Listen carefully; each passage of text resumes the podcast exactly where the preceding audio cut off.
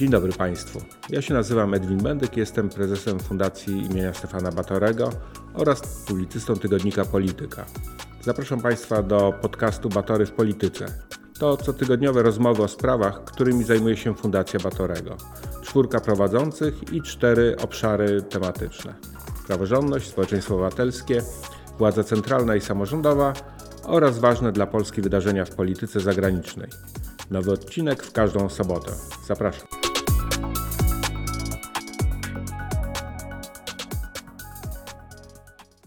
Dzień dobry Państwu.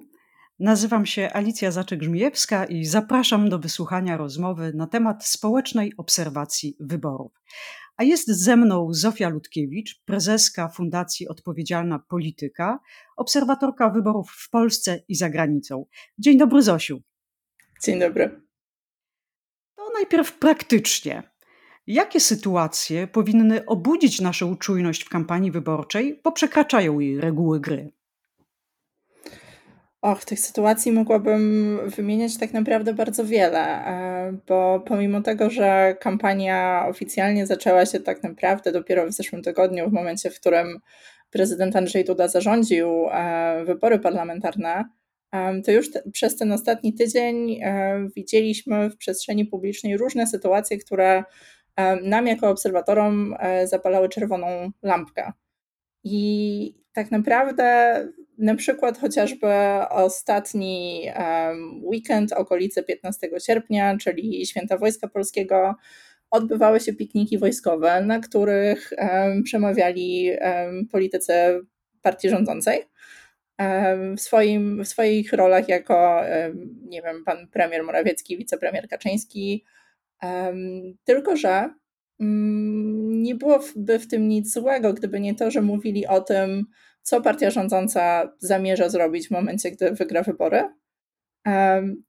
I gdyby nie to, że później te ich wypowiedzi pojawiały się na, e, na stronach w mediach społecznościowych Prawa i Sprawiedliwości i były obrędowane napisem e, materiał Komitetu Wyborczego Prawo i Sprawiedliwość. Więc taka sytuacja, w której de facto kandydat w randze ministra, jakby wy, wypełniając swoje zadania e, publiczne na wydarzeniu finansowanym przez Ministerstwo Obrony Narodowej, w tym przypadku i Wojsko Polskie, wykorzystuje takie wydarzenie do, do prowadzenia kampanii wyborczej.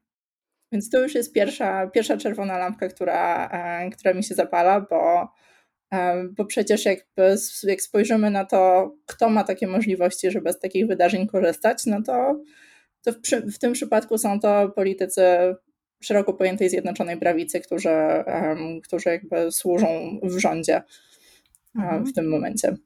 Czyli takie klasyczne wykorzystywanie właściwie funkcji, prawda, publicznej, którą się pełni w celach y, tutaj kampanijnych. A jeszcze cię dopytam o kilka takich sytuacji z życia wziętych, gdy na przykład polityk kandydat występuje w sali biblioteki gminnej użyczonej mu właśnie na to spotkanie z wyborcami. To czy to jest w porządku, czy nie? To jest trochę bardziej skomplikowana sprawa, e, ponieważ e, tak naprawdę jakby gmina ma prawo użyczyć e, taką salę. Pytanie, czy użyczyłaby również tej sali kandydatowi innej partii, czy użyczyłaby ją na tych samych warunkach? Bo my tutaj tak naprawdę rozmawiamy o równości, o równości wyborów, o równości szans, o równości komitetów wyborczych i kandydatów. Więc jeżeli mielibyśmy sytuację, w której na przykład kandydat partii A i kandydat partii B um, oboje wystąpili do tejże gminy o udostępnienie biblioteki, a gmina by powiedziała: Dobrze, ale my udostępniamy tylko kandydatowi z partii B, no to tu już mamy nadużycie. Albo gdybyśmy mieli sytuację, w której gmina powie: OK, my udostępnimy tą bibliotekę zarówno kandydatowi z partii A i kandydatowi z partii B, ale bardziej lubimy kandydata z partii B, więc jemu damy zniżkę. A gdy na przykład mamy taką sytuację, że widzimy ogłoszenia e, wyborcze na budynku czy na ogrodzeniu Urzędu Marszałkowskiego?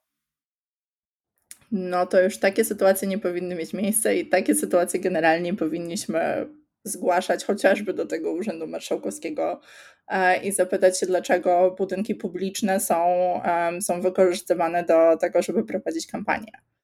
bo, bo budynki publiczne, w szczególności urzędy jednostek samorządu terytorialnego, czy na przykład szkoły e, nie powinny być wykorzystywane do tego, żeby na ich płotach, na ich ogrodzeniach była prowadzona kampania wyborcza, żeby one były jakby zawłaszczane przez jedno czy, czy drugie ugrupowanie, już niezależnie od tego, e, kim jest to ugrupowanie. Czy to jest partia rządząca, czy na przykład jest to ugrupowanie powiązane, nie wiem, z wójtem lokalnej gminy. Mhm.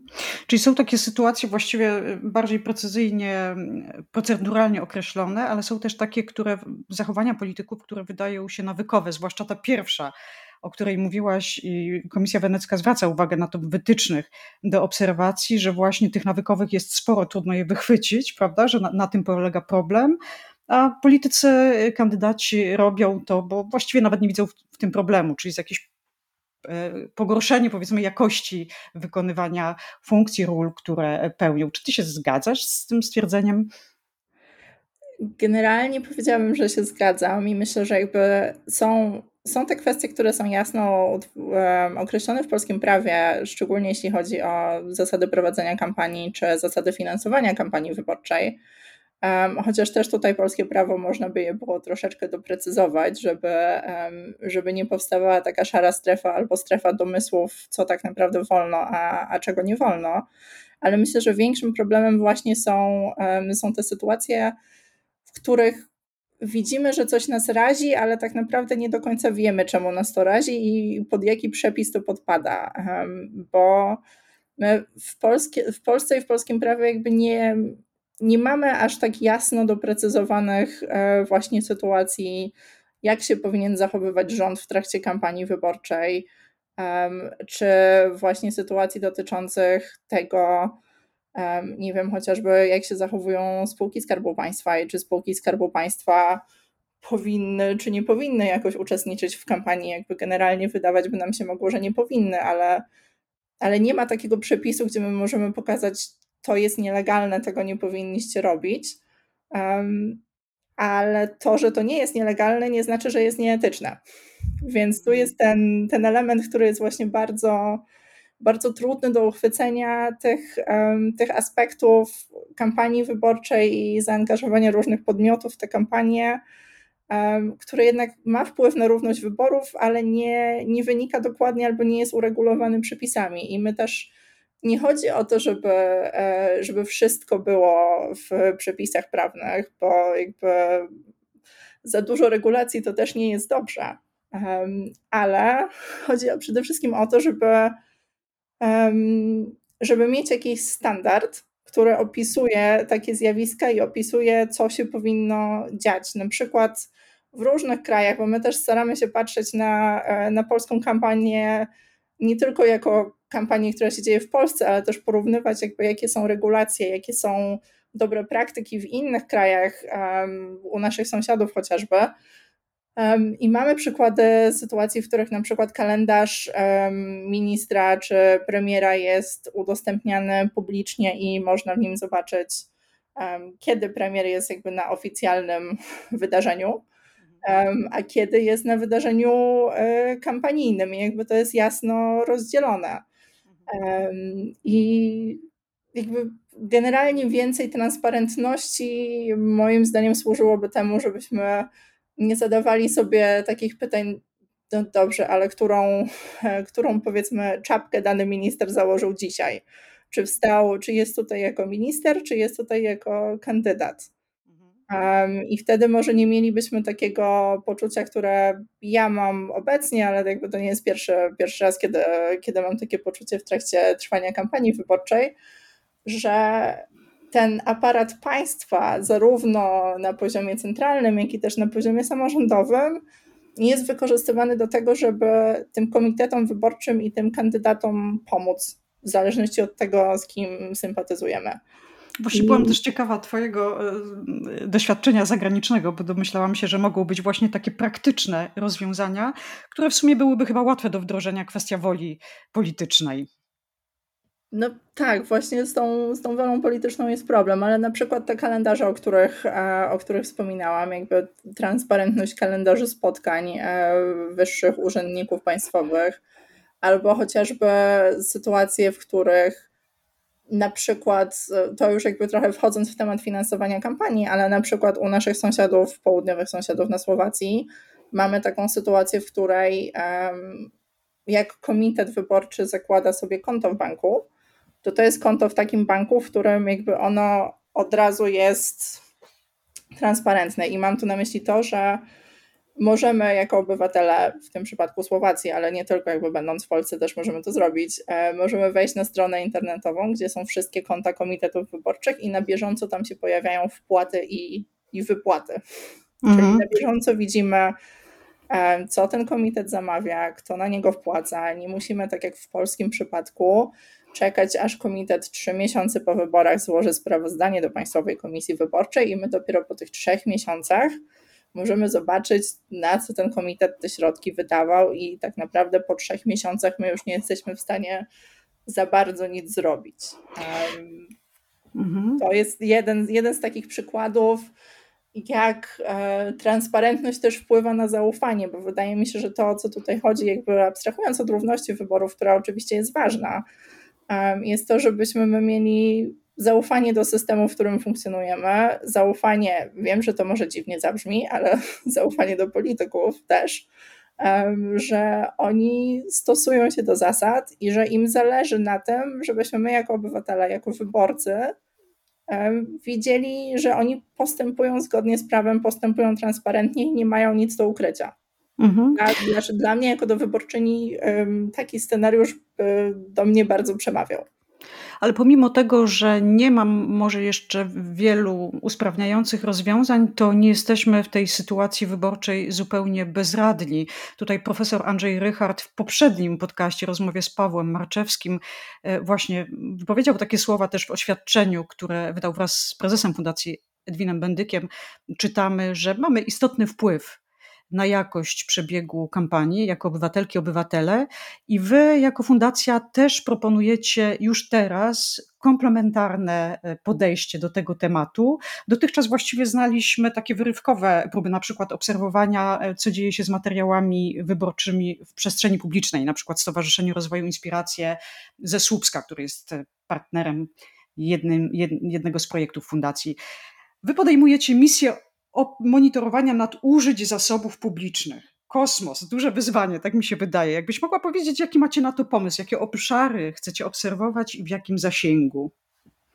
Tak, to są bardzo, bardzo poważnie brzmiące słowa, nadużywanie zasobów publicznych, ale tak naprawdę o co nam chodzi, skąd się ten pomysł wziął? My jako fundacja obserwujemy wybory, obserwujemy polską rzeczywistość wyborczą już od ponad pięciu lat, od momentu, kiedy obserwacja społeczna tak naprawdę była, e, była umieszczona w kodeksie wyborczym i przez te lata obserwacji, gdzie gdzie skupialiśmy się przede wszystkim na otoczeniu prawnym, w którym wybory się odbywają, ale też na przebiegu dnia głosowania czyli wysyłaliśmy setki obserwatorów społecznych do komisji wyborczych w Polsce i za granicą, żeby oni przez ten cały dzień głosowania i też przez liczenie patrzyli, czy procedury są przestrzegane. My po tym doświadczeniu stwierdziliśmy, że tak naprawdę jakby to jest bardzo ważne działanie, ale z drugiej strony potencjalne problemy z polskimi wyborami są w innych miejscach. My się staramy patrzeć na proces wyborczy jako właśnie na proces, tak, że wybory to nie jest tylko ten dzień głosowania, ale to jest jakiś okres od początku zarządzania wyborów tak naprawdę do, do końca, w to wchodzą też pro, protesty wyborcze i później um, proces również zmian w prawie, więc my staramy się patrzeć na to całościowo i, i z tych naszych wniosków nam wyszło tak naprawdę to, że że chcielibyśmy spróbować spojrzeć właśnie na tą kwestię równości wyborów e, i tego, czy jak się zachowują kandydaci, jak się zachowują komitety wyborcze, ale też jak się zachowują instytucje publiczne na poziomie ogólnokrajowym, powiedzmy, i, i na poziomie samorządowym. Więc już tłumaczę, na co my tak naprawdę będziemy patrzeć. Więc będziemy się przyglądać um, kilku kwestiom, które uznaliśmy za, za ważne i gdzie uważamy, że mogą, mogą mieć miejsce naruszenia. I to są między innymi takie tematy jak wykorzystanie funduszy pozabudżetowych czy funduszy celowych, i tutaj na przykład osławiony Fundusz Sprawiedliwości i to, jak są z niego wydawane środki, na co, na co idą, e, czy na przykład fundusz właśnie już typowo pozabudżetowy, czyli fundusz, nad którym parlament nie ma właściwie żadnej kontroli, czyli e, Fundusz Walki z COVID-19. To może Państwa zdziwić, że mamy rok 2023, e, nadal są środki wydatkowane z Funduszu Walki z pandemią, której już nawet oficjalnie nie mamy od ładnych paru miesięcy. Będziemy się również przyglądać um, działalności um, spółek Skarbu Państwa i instytucji publicznych. Tutaj w szczególności um, temu, co robią e, w mediach.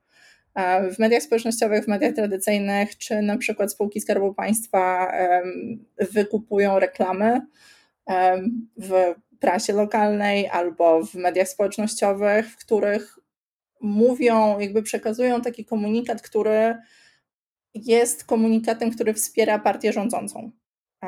Czyli na przykład um, ostatnio się natknęłam na Twitterze czy na platformie X na reklamę Polskiej Grupy Energetycznej bodajże, która e, właśnie opowiada o tym, jak to E, dzięki działaniom rządu, dzięki którejś tam e, tarczy Polacy mają niższe ceny za prąd. I to jest właśnie ta, ta taka szara strefa, czy to jest, czy w tym momencie Polska Grupa Energetyczna komunikuje to, co komunikuje, ponieważ zależy jej na tym, żeby żebyśmy my jako obywatele wiedzieli i doceniali polską grupę energetyczną za to, że mamy, e, mamy niższe, e, mniej płacimy za prąd. Czy Polska Grupa Energetyczna jako spółka Skarbu Państwa, e, czy z dużym udziałem Skarbu Państwa robi to po to, żeby, żebyśmy my w trakcie tej kampanii wyborczej sobie pomyśleli, no tak, dzięki rządowi mamy niższe, niższe ceny za prąd, więc może powinniśmy ten mhm. rząd, tą partię rządzącą docenić. Nie chcę się tu za bardzo rozwodzić, ale to, na co, na czemu się też będziemy przyglądać, to są różne wydarzenia w trakcie kampanii wyborczej. Czy to będą właśnie wydarzenia y, kampanijne organizowane przez komitety wyborcze, czy to będą wydarzenia chociażby takie potańcówki wiejskie. Mhm. Nie wiem, czy e, też Państwo słyszeli, mamy teraz program Potańcówki Wiejskie finansowane ze środków e, Narodowego Instytutu Kultury i Dziedzictwa Wsi. I jest to program, e, który rozdaje tak naprawdę, rozdziela środki, e, tam można zdobyć grant do 10 tysięcy złotych. Koło gospodyń wiejskich może taki grant dostać na realizację właśnie takiej imprezy wiejskiej w stylu potańcówki. W czym oczywiście nie byłoby nic złego, gdyby nie to, że te potańcówki mogą być organizowane od 1 sierpnia do końca października, czyli dokładnie w okresie kampanii wyborczej. Więc my będziemy patrzeć na to, co się podczas tych potańcówek dzieje, czy może tam przyjeżdżają kandydaci i może wykorzystują taką potańcówkę do tego, żeby, żeby siebie promować. Jakiego korpusu wolontariuszy potrzebujecie? Bo jak przypominam sobie akcję, którą e, przeprowadziła Fundacja Batorego wraz z kilkoma organizacjami w 2018 roku w związku z wyborami samorządowymi i tym, że wtedy do kodeksu wyborczego wprowadzono obserwatora społecznego i wtedy obserwowano dzień wyborów to pracowało wówczas ponad 600 wolontariuszy w ponad 200 obwodach. Jak u Was właśnie przy tej skali przedsięwzięcia e, wygląda to szacowanie ludzi, którzy muszą przy tym pracować? Tych ludzi generalnie rzecz biorąc powinno być jak najwięcej, jeżeli chcemy, chcemy jakby ująć to, co się będzie działo w skali całego kraju, chociaż tutaj muszę zaznaczyć, że my tak jakby wymyśliliśmy sobie ten monitoring i tą metodologię, którą stosujemy, że są aspekty, którym się przyglądamy tylko i wyłącznie na poziomie centralnym, czyli powiedzmy analizujemy różne dane, które dostajemy czy od mediów, e, czy od instytucji, chociażby to, na co są wydatkowane e, właśnie, nie wiem, środki z funduszów budżetowych, ale są też działania, do których potrzebujemy obserwatorów w terenie, czyli osób, która będą właśnie w stanie się przejść na takie wydarzenie około kampanijne czy kampanijne, na ten powiedzmy wiec wyborczy, czy na otwarcie jakiejś lokalnej inwestycji, albo będą w stanie kupić e, w piątek czy w sobotę lokalną gazetę i zobaczyć, o czym tam się pisze i czy są jakieś reklamy e, podmiotów finansowanych z budżetu państwa, które, e, które powiedzmy mówią do nas o o tematach związanych z kampanią wyborczą. Więc szukamy obserwatorów, którzy właśnie będą takie działania w terenie, terenie przeprowadzać i nam w ten sposób pomagać i uczestniczyć w tej misji monitoringowej. Tylko tutaj jest taka gwiazdka, bo to, o czym mówiłaś, Alicja, to i to też, co, czym my się zajmujemy, czyli obserwacja dnia głosowania, to jest tak mhm. naprawdę wysiłek na jeden bardzo długi dzień. I mhm. owszem, on jest bardzo długi od wczesnych godzin rannych do wczesnych godzin porannych następnego dnia, um, ale ten nasz monitoring um, wymaga tak naprawdę zaangażowania przez półtora miesiąca. Mhm. My chcemy, oczywiście my już jakby na tym poziomie centralnym, ogólnopolskim zaczęliśmy monitorować właśnie różne aspekty, chociażby reklamy w mediach społecznościowych, ale zaangażować wolontariuszy, właśnie obserwatorów terenowych chcielibyśmy od 1 września mhm. i oni by wtedy z nami e, działali przez półtora miesiąca, czyli do tego 15 października, do, do dnia głosowania. Więc, do dnia wyborów. Aha, przepraszam. Tak, więc, więc to jest um, tak naprawdę trzeba być trzeba być trochę pasjonatem i mam nadzieję, że, że tutaj też do takich pasjonatów um, mówię.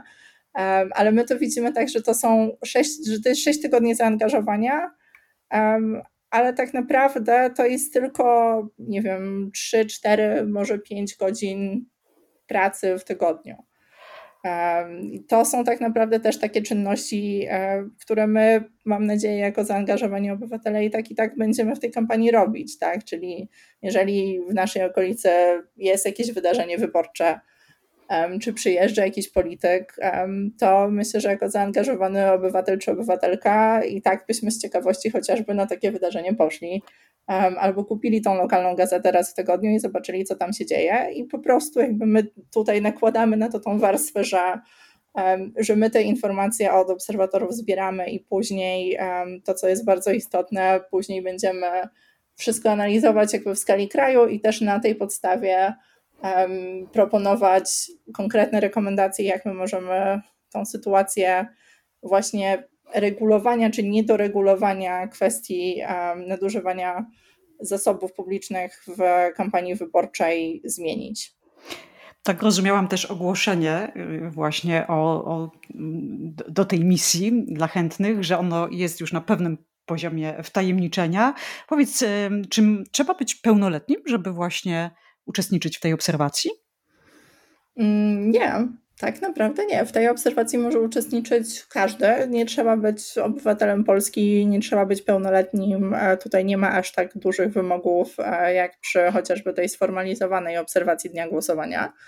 Więc, e, więc każdy, kto jest zainteresowany życiem swojej lokalnej społeczności, niezależnie od tego, czy mieszka w dużym mieście, czy mieszka w mniejszej miejscowości, czy na wsi, może do takiej obserwacji dołączyć i, i dołożyć tą swoją przysłowiową cegiełkę do, do tego naszego spojrzenia na to, jak przebiega kampania e, w skali kraju i czy, i czy jest równa. A jaki będzie los, powiedz, rzeczy, danych, które będziecie zbierać? Czy będziecie je jakoś na bieżąco udostępniać e, publicznie, czy trzeba będzie czekać na raport końcowy? Aż na cały raport końcowy nie trzeba będzie czekać. My mamy w planach um, tak naprawdę trzy raporty. Um, jeden to jest raport, który opublikujemy jeszcze w trakcie trwania kampanii wyborczej. Planujemy to pewnie na jakąś połowę czy drugą połowę września.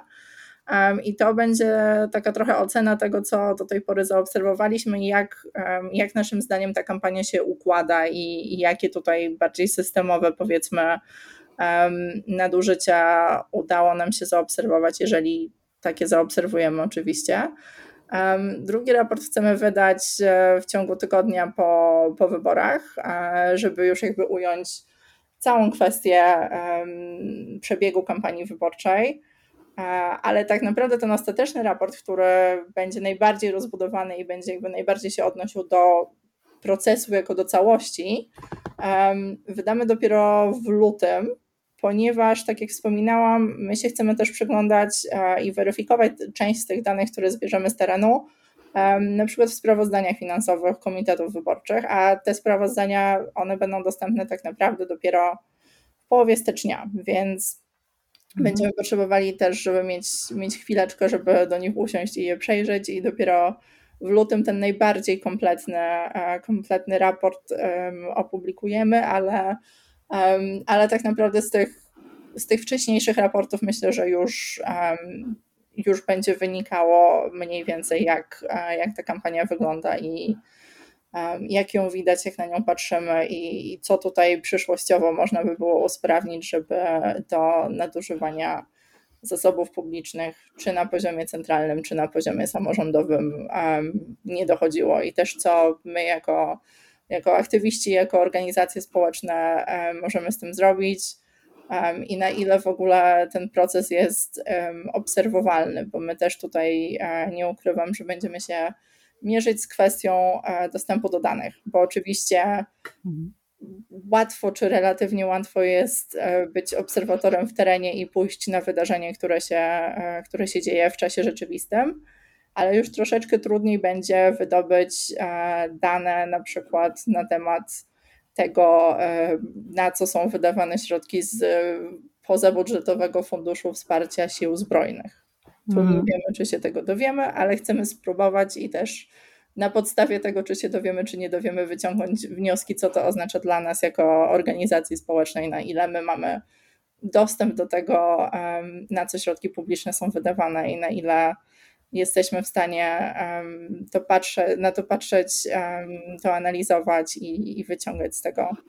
odpowiednie wnioski.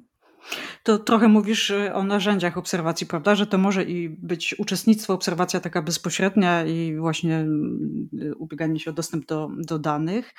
A to też będzie zapewne ciekawe właśnie w tym raporcie końcowym. Wróćmy do tematu już zasygnalizowanego dnia wyborów, bo tutaj też można uczestniczyć w obserwacji i ten temat podjęliście między innymi w takim raporcie budowniczy zaufania, w którym mówiliście, zbadaliście na ile Polacy ufają procesowi wyborczemu, jaki jest poziom zaufania, co wiedzą też o właśnie obserwatorze społecznym, o mężach zaufania, o członkach obwodowych komisji. Powiedz, y, to zaufanie jest mniej więcej prawie pół na pół, prawda? Że tam 40, około 40% nie ufa, 40 parę procent ufa, e, że, że ten proces wyborczy jest uczciwy. Od czego to zależy właśnie, że jedni ufają, drudzy nie? E, ja bym przede wszystkim zauważyła, że 40% ufa, 40% nie ufa, a 20% nie wie. I to, że 20% mhm. nie jest w stanie odpowiedzieć na pytanie, czy ufa, czy nie ufa, to jest też dla mnie bardzo, e, bardzo interesujące. Może też w taki, jakby trochę mnie to martwi. E, przede wszystkim, że ten poziom zaufania jest no jednak relatywnie niski, jeżeli mniej niż połowa Polek i Polaków mówi, że, że ma zaufanie do procesu wyborczego. Z czego to wynika? Myślę, że jakby jest wiele, wiele różnych czynników.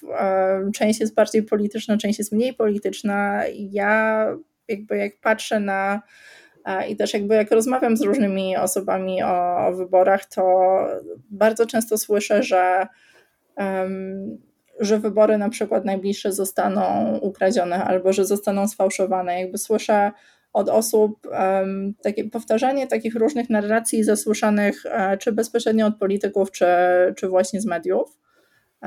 O tym, jakie są zagrożenia. I to szczególnie było, było czuć i było słychać w ciągu ostatnich paru miesięcy tej powiedzmy prekampanii, czyli zanim jeszcze e, wybory zostaną, zostały zarządzone.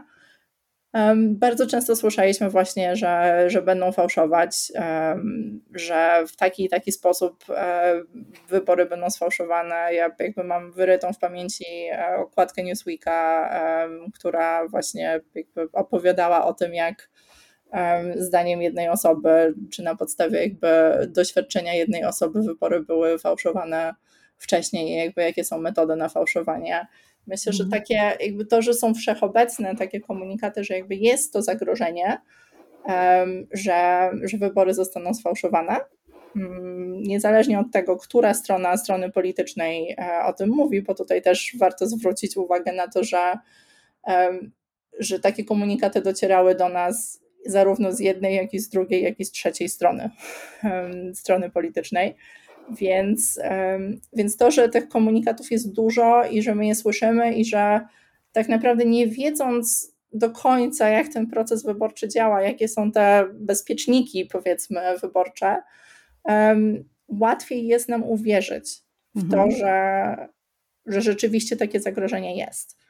Naszym zdaniem, na podstawie naszych obserwacji, tego co my widzieliśmy podczas wyborów samorządowych czy wyborów prezydenckich w roku 2020, zagrożenia co do fałszowania wyborów większego nie mamy, nie widzieliśmy przypadków fałszerstw, widzieliśmy drobne nieprawidłowości proceduralne, które nie miały generalnie wpływu na wynik. Dlatego też mój największy wniosek tak naprawdę z tego raportu, tam jest bardzo, bardzo dużo ciekawych danych, ale ten największy wniosek, który moim zdaniem jest bardzo istotny, szczególnie teraz przez te dwa miesiące przed dniem głosowania, kiedy my jeszcze jako obywatele możemy coś zrobić, jest taki, że przede wszystkim osoby, które angażują się w wybory, zostają członkami komisji wyborczych, mężami zaufania, obserwatorami społecznymi, znacznie, mają znacznie większe zaufanie do procesu, bo widzą go od środka.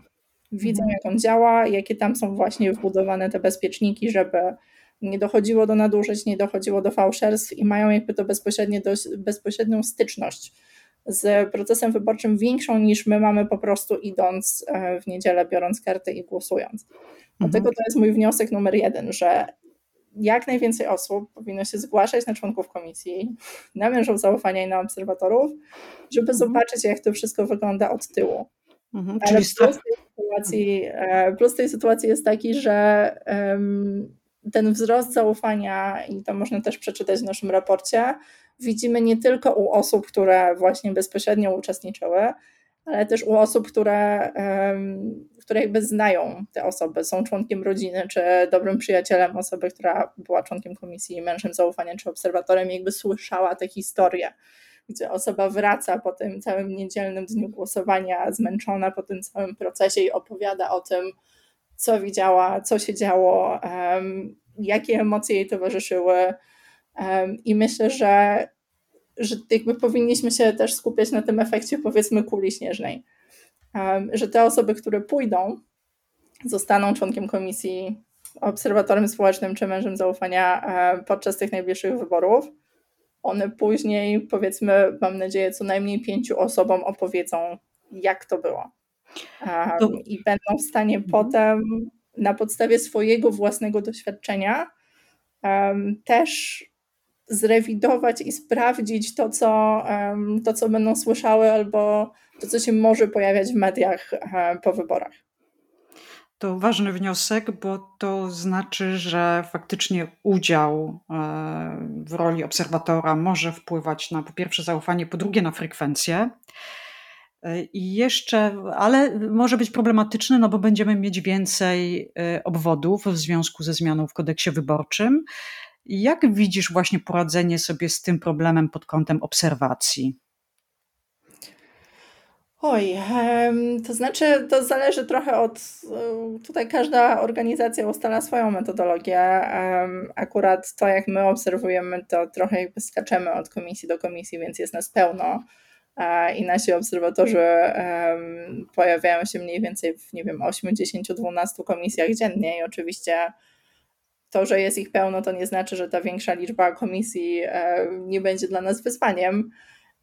Ale myślę, że to jest tylko właśnie jeszcze kolejny powód do tego, żeby nie tylko więcej obserwatorów powinniśmy wszyscy jako organizacje obserwujące wybory zrekrutować, ale też ja pomimo tego, że prowadzimy obserwację wyborów jako fundacja. Ja bardzo serdecznie wszystkich zachęcam do zgłaszania się na członków komisji wyborczych. Tych członków komisji wyborczych nam będzie brakowało w tym roku. Ich zawsze brakuje, szczególnie w dużych miastach.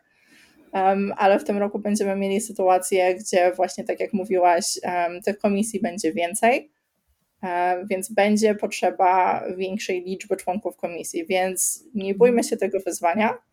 Zgłośmy się na członka komisji, żeby w pewnym sensie mieć większą kontrolę nad tym, co się dzieje, ale też jakby wspomóc ten cały system administracji wyborczej, bo to nie jest tak, że te wybory się dzieją gdzieś tam, tylko ktoś je musi zorganizować, ktoś je musi przeprowadzić i to jest wspólny, um, wspólny wysiłek, bo to są tak naprawdę setki tysięcy osób, które przy wyborach pracują.